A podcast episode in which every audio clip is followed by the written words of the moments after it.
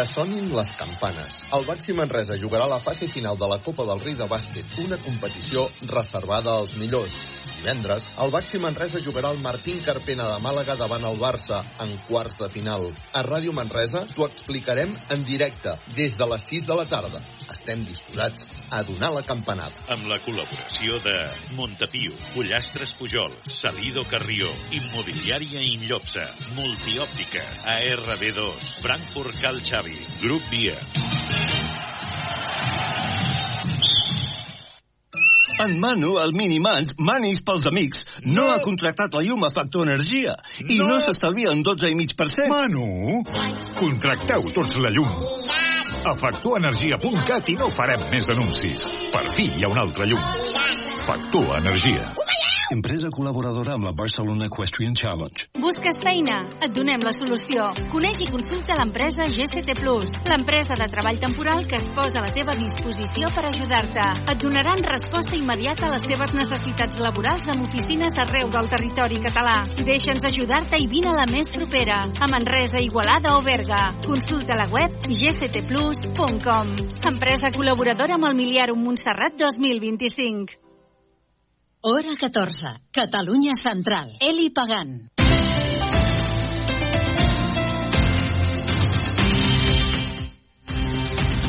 Hola, què tal? Molt bon migdia. Passen 21 minuts i mig de les dues, hora 14. Som dimecres 14 de febrer. Hores ara tenim quasi 19 graus de temperatura al centre de Manresa, on fa calor i sol. Comencen aquesta setmana ja els actes centrals de les festes de la Llum. Precisament demà dijous, al Solaplens, a l'Ajuntament de Manresa, tindrà lloc l'acte institucional com és aquest pregó de les festes de la Llum, que tindrà lloc demà a les 7 de la tarda en unes festes de la Llum que els administradors són el Cercle Artístic de Manresa. Actes centrals doncs, de la Llum a partir de demà dijous, aquest cap de setmana, culminaran dimecres que ve dia de la Llum i acabaran, com sempre, amb la transèquia que ja s'ha presentat. La Transèquia arribarà aquest proper 3 de març a la seva quarantena edició.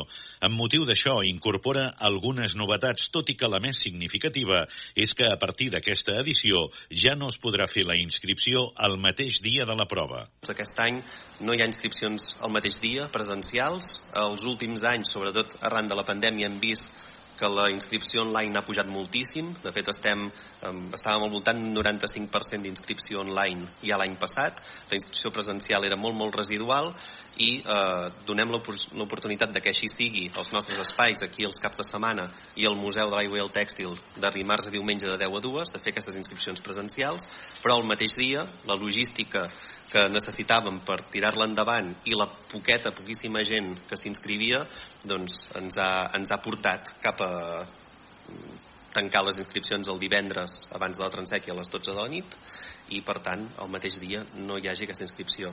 A més, per commemorar les 40 edicions, l'historiador Francesc Comas ha escrit un llibre que les repassa i la tradicional botifarrada a Balsareny es trasllada a l'avituallament de Sallent, degut a la jubilació de la gent que se'n cuidava.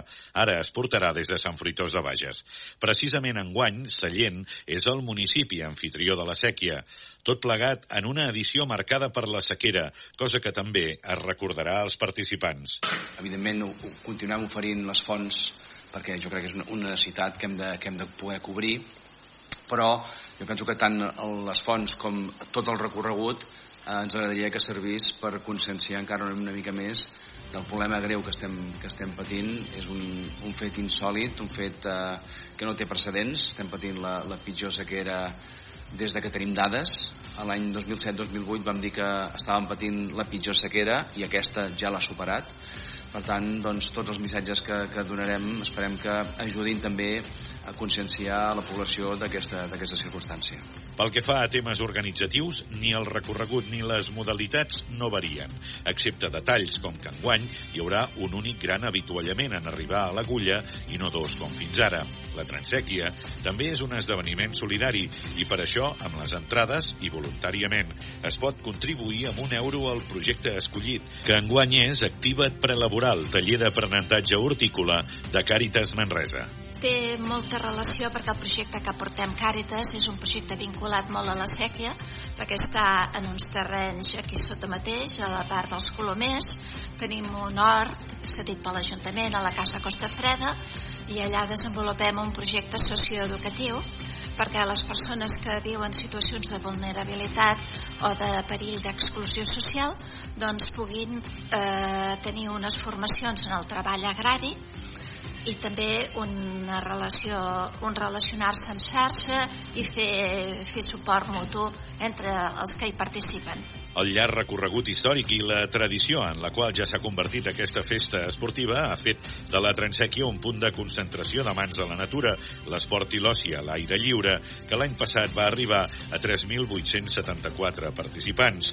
I a més, en aquesta edició, perquè és la quarantena i perquè ja forma part dels actes de la ciutat europea de l'esport, s'ha volgut recordar també la desaparició, ara fa poques setmanes, de Josep Alabern, un dels impulsors de la prova.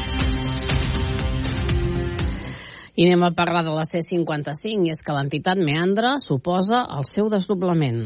L'associació Meandra considera obsoleta la proposta de desdoblar la C55 de Manresa fins a Brera per la destrossa mediambiental que implicaria a la vall del Llobregat i pel fet que hi ha alternatives per a la millora de la mobilitat sense augmentar l'emissió de gasos d'efecte hivernacle.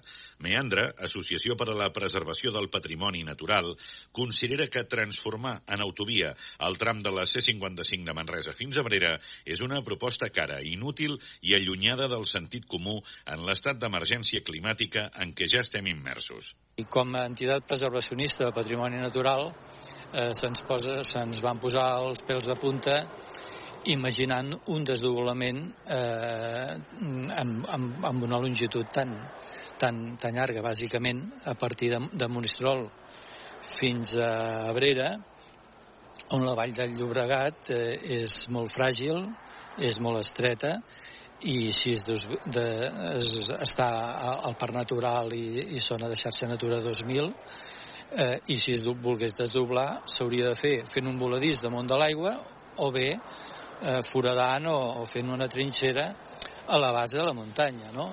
Al contrari que moltes altres opinions, l'entitat considera que la solució de la mobilitat entre el Bages, Manresa i Barcelona passa per un transport públic de qualitat en bus i per una aposta decidida pel ferrocarril, a més de per l'alliberament del peatge de l'autopista C16.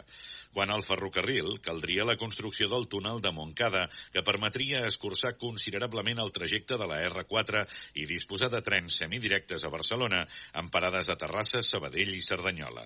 Es tracta d'una obra poc costosa, uns 150 milions d'euros, que, segons Meandra, beneficiaria un territori molt ampli i permetria completar-se amb la continuïtat de la R4 fins a l'aeroport. Apostar avui de nou pel cotxe per arribar més aviat el més aviat possible a les retencions de l'àrea metropolitana i omplir més de cotxes a Barcelona que no, no, no en pot engolir més ni tampoc vol.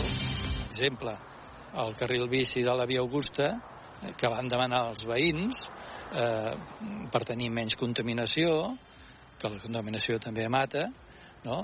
doncs, doncs és, és un símptoma clar de que a, a, a la gent que viu a Barcelona vol, vol pacificar la ciutat. No?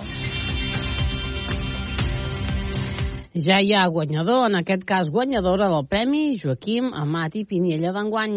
L'obra La mestra i la bèstia d'Imma Monsó ha resultat guanyadora de la 24a convocatòria del Premi Joaquim Amat Piniella, que es concedeix a una obra publicada la temporada passada i que retrati algun aspecte dels moviments socials contemporanis.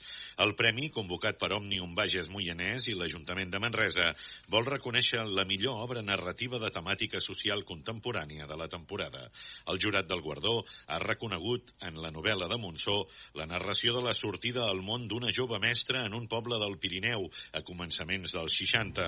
Sense ser autobiogràfica, l'escriptora planteja un volum que reuneix tots els seus dols del passat, el de la més llunyana mort del seu pare com el de la més recent de la seva mare. El jurat ha triat l'obra de Monsó, La mestra i la bèstia, entre les quatre finalistes d'enguany, entre les quals, a més de la guanyadora, hi havia el 32 de març de Xavier Bosch, 1969 d'Eduard Márquez i París érem nosaltres d'Andreu Claret. L'acte de lliurament, obert a tothom, serà el 22 de febrer, emmarcat dins la Festa de la Llum, a l'Auditori de la Plana de l'Om de Manresa. Coincidint amb el 50è aniversari de la mort de l'autor que dona nom al premi, enguany el lliurament del guardó estarà precedit per un recital de poemes de l'exili de Joaquim Amat Piniella, pertanyents al llibre Les Llunyanies, a càrrec de l'actor Ivan Padilla i amb l'acompanyament musical de Joget. L'escriptora lleidatana s'endurà els 2.000 euros del premi i l'estatueta del reconegut escultor manresà Ramon Oms.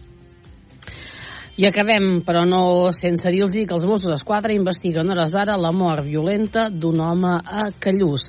Els fets van passar, el cos es va localitzar ahir a la nit prop d'una zona boscosa propera a la llera del riu del municipi de Callús. Els investigadors van activar la comitiva judicial que va certificar la mort violenta de l'home. En aquest cas, la regió central s'ha fet càrrec de la, de la investigació per esclarir aquests fets. Ens passem, són dos quarts de tres. Anoche, al lado de este piano, de cara a las mesas que se están acabando de montar, un cartel de luces LED donde se puede leer Ser 100. Unas unas letras y unos números que ahora mismo están iluminados de una luz roja, algo más, algo más suave, algo menos intensa de la que normalmente nos avisa cuando estamos en el estudio de que los micros están abiertos. Son dos elementos, este piano y estas luces LED, que nos hablan